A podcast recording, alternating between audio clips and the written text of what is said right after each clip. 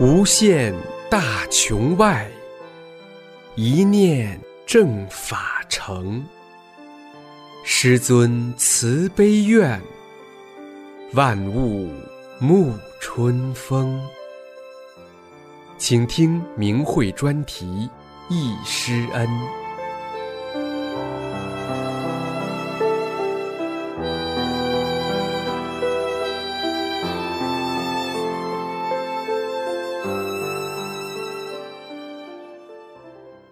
下面请听长春大法弟子的文章，题目是《在长春聆听师尊讲法》。文章发表于明慧网，二零一八年九月六日。我从二十三岁开始修炼法轮大法，已有二十几年了。一九九三年六月十九日，我有幸参加了在吉林省委礼堂师尊举办的长春市第三期法轮大法学习班。此时我还不知道，这就是自己二十几年来期盼的。等待的。走进吉林省委礼堂，我的心平静祥和。朋友早已帮我找好了座位，是前十排。我坐下来，有一种如愿以偿的感觉。我感觉背部有东西动，我就先查看四周是否有人摇晃座椅。左右、后面的人没有触碰我的座椅。我确定是自己的体内有东西在转，就跟一同来的人说：“我背部有东西动，好像是在转。”云姨说：“是法轮在转，老师给你下法轮了。”我心中疑惑：“老师还没来呢，谁给我下了法轮呢？”等待中，我想象着大气公司的样子，名人穿着笔挺的西装，一定是很有钱、很气派。礼堂内没有人维持秩序，没有人要求肃静，可是全场的人都很安静。一切都被强大慈悲的能量抑制住了，没有大声喧哗，没有随意走动的，没有喋喋不休的，更没有抽烟的。所有的人都沉浸在祥和慈悲的能量场中，静静的等待师尊的到来。在众人的期盼中，师尊走上讲台。师尊身穿一件洁白的短袖衬衫，裤子、皮凉鞋虽然旧了。可是干净的触及人的灵魂，我心中震撼。身在人世间，不沾世间尘与土，肌肤好的无以伦比，乌黑的头发，二十几岁年轻人的模样，身材高大魁梧，超凡的气质，亲切慈悲的笑容。首先，师尊介绍了自己，介绍法轮功。法轮功是历代单传、古老的佛家修炼大法。师尊讲的第一个问题就是法身。师尊有无数的法身，本人还未到，但法身已经开始清场，给有缘人清理身体、下法轮了。我的疑惑被解答了。此时我明白了，是师尊给我清理身体、下法轮。师尊揭示了一些世界之谜，如百慕大三角等等，都是我最想知道的。我想，师尊不是凡人，是具有超能力的人。师尊什么都知道。聆听师尊的讲法，使我明白了做人永远都不会明白的一切。我明白了宇宙是有法存在的，那就是真善人。真善人构成了宇宙间的万事万物，包括我们人类。我找到了自己生病的真正原因、根本原因。当我转变自己的心，同化宇宙真善忍特性，就是转变了我生病的根源。那么一切就会恢复正常。我认定了，我要走上一条返本归真的路，返回到我先天本性上去，同化宇宙真善忍特性。师尊的每一句话都是那么珍贵，我着急了，想记录下来又没带笔。这时师尊说：“不要记录，会影响你听课。”我如饥似渴的听，每句话都不想落下，都不想忘记。我感受到师尊的每一句话都带有很强的能量往我脑子里打，装呀装呀。做学生时听教师讲课，要动脑筋听啊，记忆呀，很累。师尊的讲法都带着很强的能量往我脑子里打，打入我的头脑，打入我生命的深处，越听身体越舒服。在十堂课中，师尊多次动手给学员调整身体。先让我们大家站好，想一两种病，然后放松。师尊站在台上，手高高的抬起，缓缓的由上而下。我感到从头顶往下，身体里有不好的物质压下去了，压到脚底。师尊用手一抓，我感受到有不好的物质从身体里被抓出去了。师尊抓到手里，一边叫学员赶快活动活动，一边走到讲台的角落，把手中的东西甩掉。一天，师尊讲大家练功时脚踝处长时间站立会很痛，今天就给大家消去脚踝处的业力。师尊是用同样的方法做的，从此我站立时间多久，脚踝处从来不痛了。师尊讲关于天幕的问题那天，我坐在大约六七排中间的位置，我一边听一边想，会不会是大家站起来，然后师尊动手给大家开天幕呢？我专注的听课，觉得两眉之间很痒，我禁不住动手轻轻的挠。师尊慈悲的看着我说。别挠，我讲开天幕时就在给大家开天幕。我恍然大悟。师尊讲法第三天，我照常提前三十分钟来到省委礼堂，可是大门口已经聚集了很多学员，人们都争先恐后的提前来了，把大门的学员不敢开门了，怕出现危险。师尊来了，带着许多学员帮助疏导人员，所有的大门都打开了，人们匆匆往里跑。我也急匆匆的往里跑，我抬头看见师尊站在走廊边，慈悲的看护着学员，防护有人摔倒。我就这样看着师尊，匆匆的从师尊身边跑过。师尊在讲法中提到这问题，学员们通过听法修炼，对法有了一定的认识之后，这种拥挤的现象就不会存在。以后上课大门提前一个多小时开放。每天下班后，我顾不上吃晚饭，骑着单车去听课，要骑很长的路程，需要一个小时的时间。这是我从前体弱时做不到也不敢想的事情。我提前半小时到一小时就来到省委礼堂，坐在慈悲祥和的能量场中，坏事不想，好事也想不起来，思维是静止的，内心安详平和。上课三个小时，再返回家，我也没有饥饿的感觉。每天师尊先讲法大约两个多小时，然后休息十分钟，再教功。一位学员站在讲台上示范练功动作，师尊讲功法的要领等。人太多，好不容易才找好一个可以练功的位置。我前面挤进一位中年妇女，占了我的位，脸上一点歉意没有。我心中冒出一团火。想到师尊的教诲，要按照真善忍的标准做人。我知道自己生气不对，抑制住没发火，可是，一团气堵住胸口，我排不掉，胸口很闷。这时，迎面慈悲的能量打入我心田，那团气瞬间就化掉了。在省委礼堂前四排贴上了贵宾席的标签。这是主办方专门留给省市官员们的座位。中共的官员们为了考察师尊，他们找了许多重症病人让师尊治疗。其中一位妇女站在台上，手里拿了四张 CT 片子，激动地说：“她的母亲患了癌症，已到晚期。原来瘤子很大，长在胸部，把气管都给顶歪了。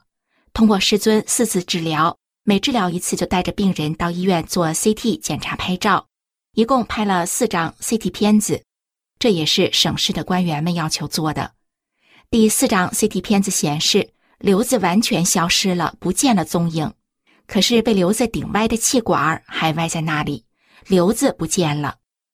这位妇女对着全场的一千多名法轮功学员说：“可以上台来查看这四张 CT 片子是真实的。”这位妇女真诚地给师尊送上一面锦旗，感谢师尊。可是，一九九九年，这位妇女出现在中共制造的一千四百例里，她完全颠覆了她当年站在台上，在众目睽睽之下讲的话。我在电视机前观察她，从她的表情看出她内心的恐惧，她被人威胁了。可是那四张 CT 片子，没有人敢提起。我是这段历史的见证人。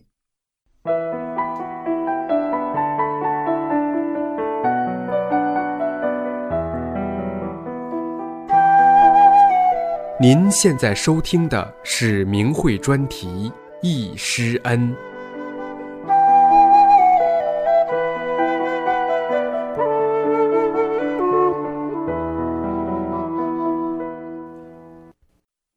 我看不见另外的空间，可我能感受到身体里有无数的法轮强烈的转动，在身体内深层直至表皮，甚至带动衣服在动。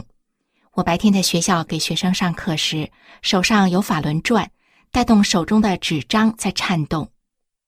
一天听完课回家，我练法轮桩法，我的手臂很细，每次抱轮都像举着一座大山一样，非常痛苦，痛得我直哭。可是我求道之心、想修大法的心非常强。练头顶抱轮时，在极其痛苦的状态下，我想，我就不拿下来，死也不拿下来。忽然看到左眼皮上出现了一只眼睛，清清楚楚、真真切切。师傅在转法轮中讲，除了主通道之外，在两眉、眼皮上面。眼皮下面和山根几个部位，还有几个主要的副通道。由于我刚刚开始修炼，对大法认识不深，心中疑惑：刚刚学，怎么会有这么高副通道都有眼睛了呢？第十天，师尊给学员答疑，我想把心中的疑问提出来，可是旧势力的阻挡，我写条子的时候就说不清楚了。师尊读出我的条子，意思完全不是自己要表达的意思了。我坐在听众席，心中直向师尊道歉：“师尊，我不是这个意思，这不是我要说的。”师尊好像听到了我的道歉，定眼看了看我的条子。师尊的这定眼一看，给弟子打下去多少坏东西啊！一晃十天的班就要结束了。师尊很忙，全国各地传法，时间安排的非常紧凑。在长春十天班之后，马上就要去另一个地方传法。师尊来也匆匆，去也匆匆，与师尊就要分别了。与师尊分别的滋味不好受。师尊说，由于要去传法的地方还有一些事没有安排好，师尊要在长春多停留八天，还可以在长春办一个八天的班。听到还可以听师尊讲法。全场的学员真是开心啊！这是多大的缘分啊！刚刚入大法修炼的门，我们听师尊讲法十八天，这是我最幸福、最荣耀的回忆。八天的班改在吉林大学明放宫举办，因为学员人数增加，省委礼堂已经装不下了。在明放宫讲法的第二天，师尊讲开天目，这次我知道了。师尊讲开天目时，就是在给学员开天目了。法轮迎面落在我的两眉之间，往上一点旋转，然后法轮就像电钻头一样往里转。我感觉两个眼球都往肉里深陷进去了。师尊在转法轮中说：“我在讲天目的时候，我们每个人的前额都会感觉到发紧，肉往起聚，聚起来往里钻。”我真真切切地感受到前额被打出一条通道来，法轮具有强大的力量往里转，转到松果体的位置时，法轮放大，在松果体的位置不停地转动。一会儿法轮变小，从通道转出来，在我前额的表面转动；一会儿又往通道里转，就这样反反复复地做着。师尊很辛苦，每天讲法两个多小时，一口水不喝。中间休息时间，又去后台亲自动手给人治病。一天下课，我从侧门出来，从窗户往里看，屋子里有很多人。师尊正在亲手给病人治病，师尊很忙很辛苦啊！我依依不舍地离开了。门票价格是全国最低的，新学员四十元，老学员二十元，而当时其他的气功报告票价百元以上。师尊生活简朴。在省委礼堂，每天那件白衬衫，晚上洗了，白天穿；在明放宫，每天穿着一件最大众的白色短袖 T 恤。门票钱几乎都被主办方拿走了，师尊没有钱。我知道了，票价低是师尊把自己的讲课费给了学员。中共造谣说师尊敛财，师尊有一亿个弟子，如果每个人给师尊一元钱，师尊就是亿万富翁，我会高高兴兴的给师尊的。这太容易做到了。可是师尊不要学员任何财物，师尊只要弟子一颗修炼大法的心。师尊只要弟子同化宇宙真善忍特性，返本归真，做好人，做一个好人中更好的人。师尊没有豪宅，只有那一个我曾经看到的破旧房子。去过师尊家的学员说，看到师尊的家，学员流下了心酸的泪。师尊两袖清风，真正的高人大德之士。我明白了，为何师尊身上不沾世间的尘土，是因为世间的尘土沾也沾不上啊。一九九四年四月二十九日，师尊回到长春，在吉林大学明放宫举办法轮大法学习班。我带着母亲和一位朋友一起去听师尊讲法。明放宫里座无虚席，明放宫外有一些从外地赶来的学员，门票已经售光，买不到门票。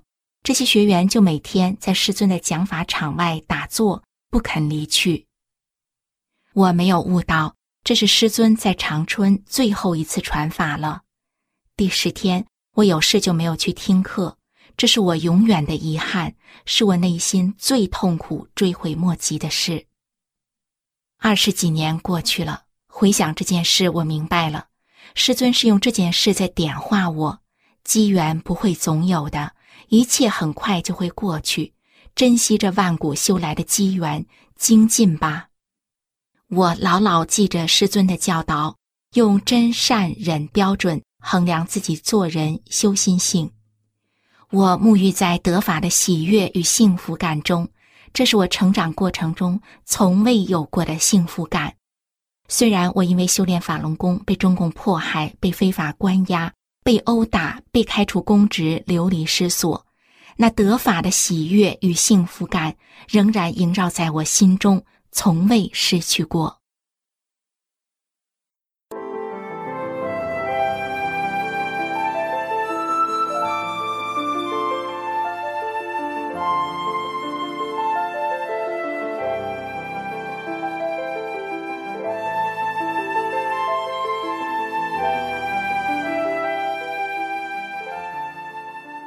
请听易师恩专题文章，题目是《北京部分弟子回忆师父传法时的故事》节选，作者北京大法弟子，明慧网二零零四年六月发表。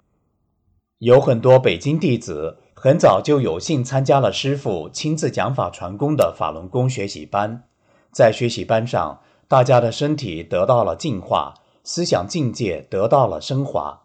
期间，我们经历了、了解了很多关于师傅的故事。有些故事讲出来像传奇，但都是真实的。从中，我们感受到我们的师傅为了救度我们，真是不知吃了多少苦，经历了多少磨难，大恩不言谢。只有在自己的修炼路上努力做好，达到标准，一心向善，才是对师傅最好的报答。故事一。一九九三年，一位早期的北京法轮功弟子，因为学练法轮功，他妻子非要和他离婚。一天，他与师傅一起吃饭，边吃边低头沉思：要是因为练功离婚了怎么办？正想着，师傅走过来，一拍他的肩膀，他立刻觉得什么都明白了，心里豁然开朗。后来，师傅在课上讲，有人因为练功。两口子干的都要离婚了，很多人都没有想一想为什么会出现这个情况。过后你问问他，我练功你咋生那么大气呀？他说不出来啥，真说不出来啥。是呀，我也不应该生那么大气啊，那时就是发那么大的火。其实是怎么回事？在练功的同时，业力要转化，不施者不得，施的还是坏东西。你得付出。见转法轮。故事二：某学员参加了北京第十三期学习班，课上师傅告诉大家，法轮功不是用来治病的，但该学员可是带着治病的目的来的。他以前练其他功得了疫病，蛇附体，他没对师傅说，他不甘心。在学习班下课的时候，他趴在桌子上不走，心想：我就趴这儿不走，看你指师傅到底给不给我治病。以为这样师傅就会来问他的病，但师傅没理他，就走了。在上课，师傅说：“有人趴在桌子上不走，等着我治他的病。你要是不要那坏东西，我就能给你清理。”他后来慢慢听明白了师傅讲的一些道理。心里说：“我不要这个坏东西，蛇附体。”师傅没有动手给他治什么病，他的病却好了。故事三：一九九三年底，师傅在北京二炮礼堂办学习班，张丽英去参加了。他座位旁边有一位小伙子，一看到他就说他的腿做过手术。他很奇怪，这只是一个多年以前的小手术。他又穿着很厚的裤子，他是怎么知道的？一问，原来他早就练其他气功，开了天目。上课时，小伙子经常告诉他，这位老师可不一般，身后有万丈金光。这个会场里不止咱们在听，用手指着大厅上空说：“那儿坐着一群穿古装的人，那儿坐着一群穿西装的人，都在恭恭敬敬地听。”下课后，他们一起走出了礼堂。小伙子说：“这位老师是我遇见过的所有老师中讲得最清楚的。但我以前的功已经练了好多年了，冬练三九，夏练三伏，我不能丢，还是得练我以前的功。”第二天上课，张丽英听师傅说，有人就这么讲，还是不听，回去还练以前的功，把法轮都练变形了。故事四：一九九四年一月，孙秀兰已经七十多岁了。她参加了师傅在天津的法轮功学习班。由于从小患伤寒，落下了耳聋的后遗症，常年的劳累又使她变成了九十度的罗锅。师傅开始讲课了，可是因为耳聋，她怎么使劲听也听不见。心想：老师讲什么呢？我也听不见呀。正在着急。师傅说：“有人耳朵听不见，我现在就让他听见。”随着这句话，他的耳朵就能听见了。他认真地听着师傅的话，句句都入了心，越听越爱听。到师傅下课，他才高兴地环顾四周，感觉很异样，就问身边的学员：“你们看我是不是长高了？”学员告诉他：“不是长高了，是罗锅直了。”他不相信，别人也这样对他说。他看看自己，还真是罗锅直了。故事五：一九九四年过年前，师傅在济南办第一期法轮功学习班。一天课后，有一位北京负责大法工作的学员的妻子，也是学员，给师傅送来了饺子。师傅问：“今天是什么日子？”他告诉师傅：“今天是大年三十儿。”师傅这才知道，就让所有工作人员都吃饺子。大年是中国人最隆重的节日，大年三十儿是家家户户都要团圆的最重要的日子。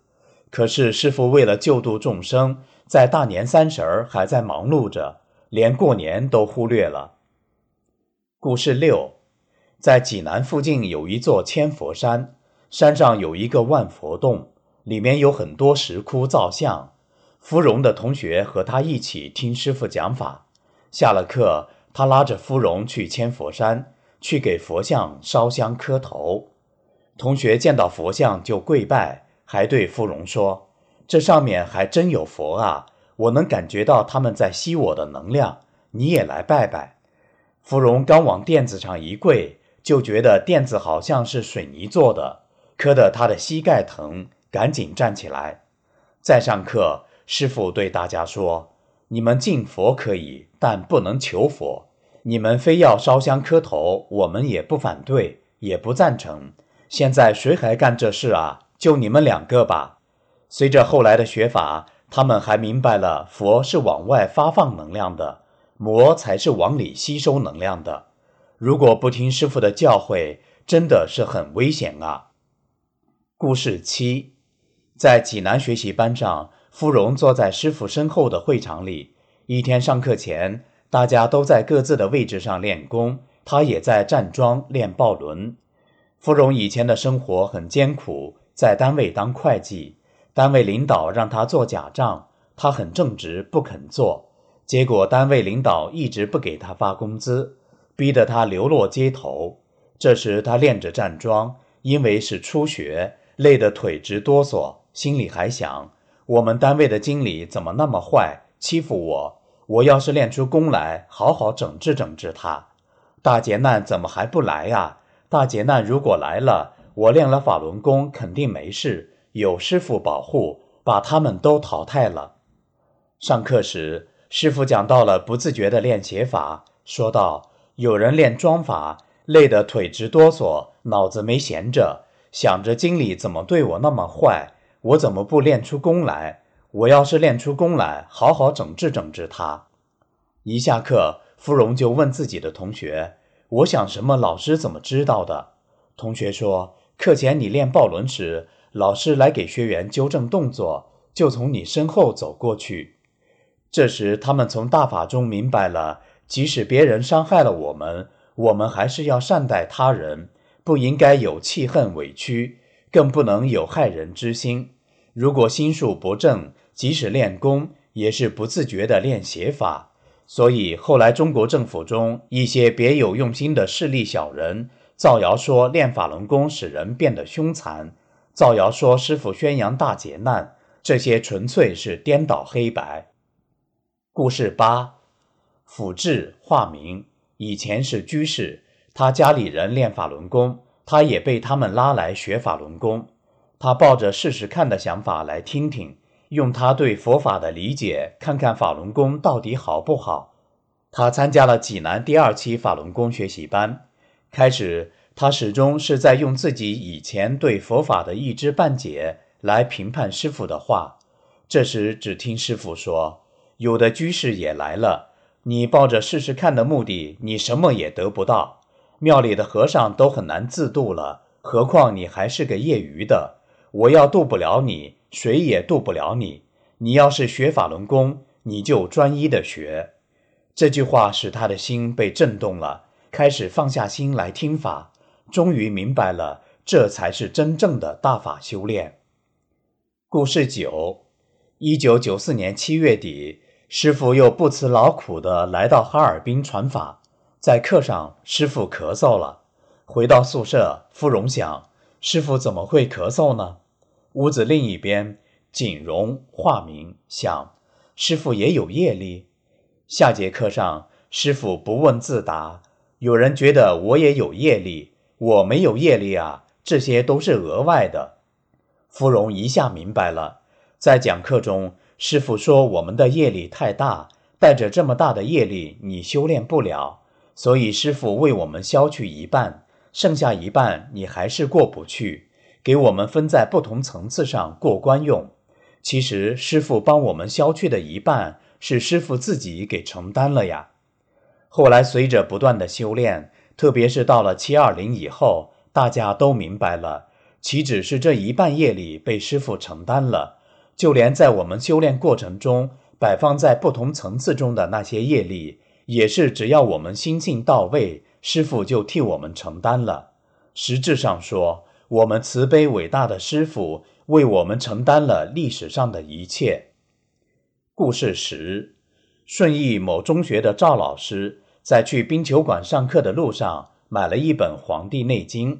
上课后，师傅正好讲玄关设位，讲到过去的书已经很难指导人修炼了，并且说，而且现在出的那些书很多都是假的，就那么一本《黄帝内经》还是假的。还被你给买去了，和赵老师一起去上课的学员全被震惊了。下课后纷纷问他：“你把书藏在包里了，老师还是知道？”他说：“不光说我这一件事呢，我以前练其他功已经开了天目了。讲天目时，我用其他功法的方法看，老师马上在上面说：我们这里教的是法轮功，你要是练别的功，你出去练去。”故事十一，在哈尔滨法轮功学习班之后，师傅还要办一场代工报告，很多老学员还想买票。师傅说：“老学员就不要去了，你们都听了很多了，你再去就耽误很多人得法了。”于是很多老学员改变了当初的想法，把机会让给了新学员。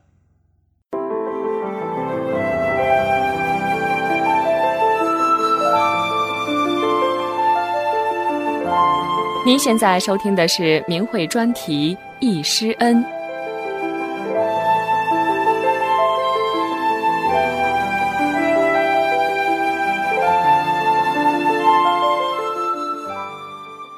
请听明慧交流文章，题目是《参加师傅传法班的点滴珍贵回忆》，作者大陆大法弟子。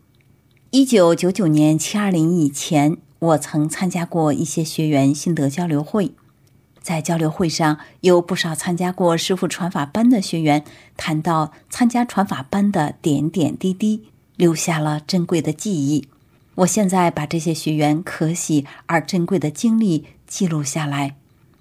学员甲是一位在武汉工作的医务人员，因为有亲戚在北京，当年曾经参加过师傅在北京举办的两期传法班，当时他觉得非常好。就还想继续听下去。当他打听到在武汉还要开班，回到亲戚家后，立即给他在武汉的儿子、女儿打电话，要他们都报名参加。家回到武汉后，连续参加了师傅办的三期传法班。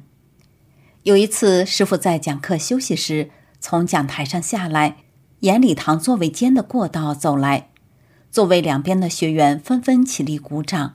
向师尊表达敬意。当师尊走到甲身边时，甲激动的不知说什么好，脱口问道：“李老师，您还记得我吗？”甲此前听课都坐在中间或者是后面的座位，从没和师尊有过当面接触，也未曾和师尊说过任何话。按常理，别说记得，就是有一个面的印象都不可能的。师尊微笑着对他说。你不就是从北京跟过来的吗？你还打电话让你儿子、姑娘也来学，他们来了吗？甲当时心中一动，哎呀，怎么师傅什么都知道呀？我真是遇见活佛了！他马上激动的连声回答说：“来了，来了。”师傅刚到武汉时，曾经给人治病，甲的儿子就曾经幸运的得到师傅的亲手治疗。家的儿子以前有肩周炎、颈椎病等，师傅就用手轻轻拍了拍他有病的地方，他就觉得病患处一下子就松快了，从此肩周炎、颈椎病无影无踪了。学员乙是位高个子老头，曾经参加过师傅在郑州的传法班。乙刚到郑州时，人生地不熟，不知道师傅讲课的体育馆怎么走。他想得找个人问问，正巧这时他看见对面来了个年轻人，于是立即上前问路。年轻人显得十分和善，很耐心地给他指了路。乙问完路，和年轻人握手致谢。握手时，乙有一种非常美妙的感觉，心想：这个人可真不一般，从来没有握过这么温暖而巨大的手。由于当时他急着去听课，也没有声响。等乙到了班上，抬头朝讲台上一看，那不是老师吗？他这才明白，刚才是师傅亲自给他指了路。乙酷爱打网球，球瘾特别大，还经常参加老年网球比赛，争强好胜。由于刚步入修炼，他心里还有点舍不下网球的爱好。于是他问师傅：“李老师，我以后还能不能打网球了？”师傅当时笑了笑，告诉他说：“你以后自己就不想打了。”一开始并没有明白师傅讲话的深意。听完课回到家乡后，他还照常参加老年网球比赛，可是，一比赛就输，还老崴脚。这时他明白该去去这个执着了。后来，你再拿起网球拍，也没有那种争强好胜、激动的心了。再后来，他觉得打网球没有什么意思了，还是学法练功好。不知不觉的，他自己就不想打了。薛元炳曾经参加过师傅在郑州的传法班。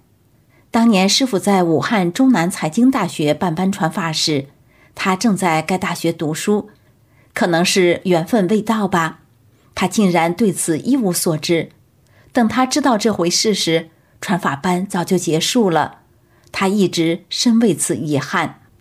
所以听到师傅要在郑州办班的消息后，他毫不犹豫地去了郑州，给自己的人生留下了难忘而可喜的经历。薛元鼎是湖南人，参加过师傅在广州办的第五期班，也是师傅在中国大陆的最后一期传法班。鼎的耳朵不好，刚开始时什么也听不清，他十分着急。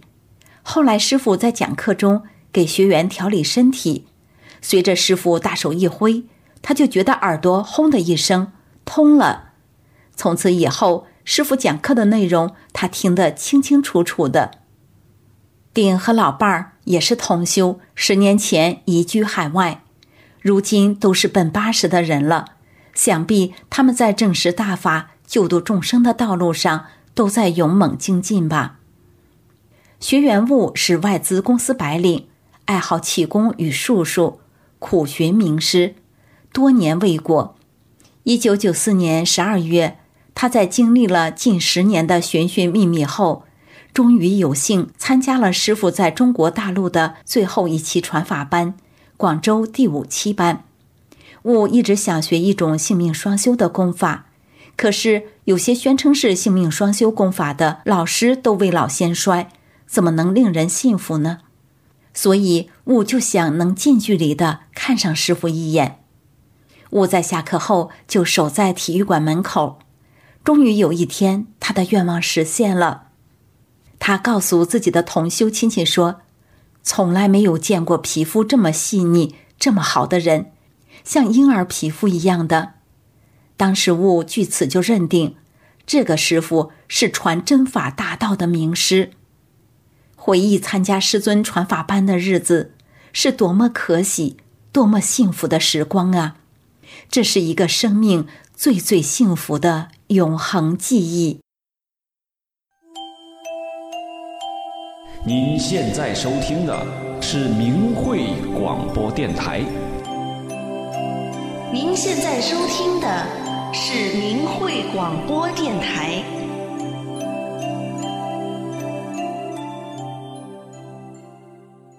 请听明慧易师恩专题文章，记录下伟大的师尊人间传功讲法的点滴。作者。大陆大庆大法弟子，我是一九九四年得法的老弟子，遗憾的是没能有机会参加师尊的传功讲法班，但是倾听同修和我讲过师尊在讲法传功中的几件感人心扉的故事，每次我都流下了眼泪，深感伟大慈悲的师尊为度化我们吃了无数的苦，比我们自己都爱护我们的无量慈悲与浩荡佛恩。激励着我们在助师正法路上铲除邪恶、救度众生、兼修到底。我以最最崇敬的心情向伟大的师尊表示至高无上的敬意。一，一九九四年末广州传功讲法的期间，我地区当时有五名同修有幸参加了这个班。有一天中午，有些学员到一个小铺吃饭，师傅也进来了，看见一个桌子上有几个碗里都是没吃完的面条。有半碗的，一碗的，吃不完剩那儿走了。当时师傅很和蔼地问两个正在这桌吃饭的学员：“这是咱们学员剩的吗？”手指着桌子。当这两个学员回答是时，师尊什么也没说，把所有的剩面条倒在一个大碗里，拿起桌上用过的筷子吃完就走了。二，在北京初期传法时，据同修讲，在刚刚传法时，师尊太难了。就带着女儿帮着教功。当时师尊女儿估计有十岁左右，穿着不合身的练功服。后来鞋坏了，师尊只给她买一双处理的胶底白鞋，只花两元钱，还一只大一只小。天特别热，从来不给孩子买一根冰棍儿。三，在长春传功讲法班上，不知是第几期。有姐妹俩去参加师尊的这期班，是外地去的。午休时，他们没去吃饭，只带点饼干坐在那儿干啃。他拿着一块饼干，只见师尊在旁边目不转睛地盯着看。他忙问师尊：“师傅，您吃吗？”师尊笑呵呵地说：“不吃。”这位学员吃完这块饼干后，一天也不饿。四，在齐齐哈尔第一次传法班上。这位学员是个男的，当时三十岁左右，从山东来东北打工的，有幸参加了骑士这期师尊讲法。他可能根基很好，当时看见传法场上很多奇妙的景象，看见师傅讲法时，头上光圈一层一层向外扩大，满屋子法轮飞舞。他听法时激动得直流泪，笑得合不拢嘴。见到师傅法身往他嘴里不停地塞一团一团的黄东西。特别好吃，又香又甜。到吃饭时他也不饿。后来他又看到龙凤飞舞、天女散花等等。师尊讲法时，有时手抓一下，有时看看弹一下。他悟到，可能是给学员清理身体或者处理另外空间的事情。他还说，师傅讲什么，头上出现什么，特别漂亮，特别神奇，满屋生辉。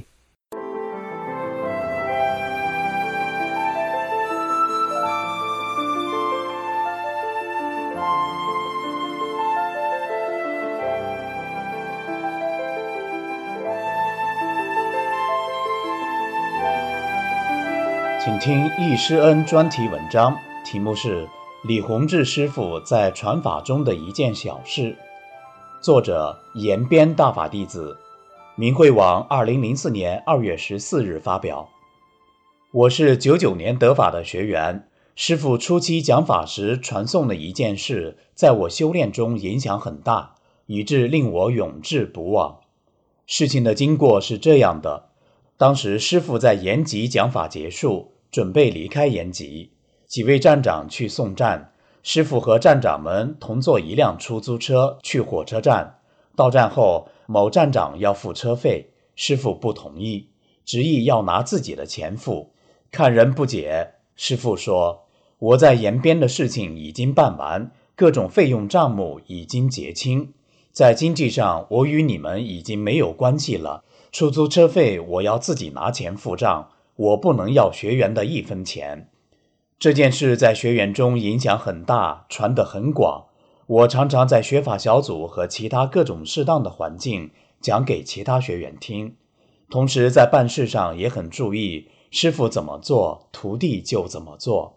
师傅在中国传法时走过的地方不是很多，我想提个建议，请跟随过师傅的大法弟子。把师傅在传法中的小事一件一件的写出来，绘成册，并保证在流传过程中不走样。我认为这样做很好，因此写出来。如有不对的地方，请慈悲指出。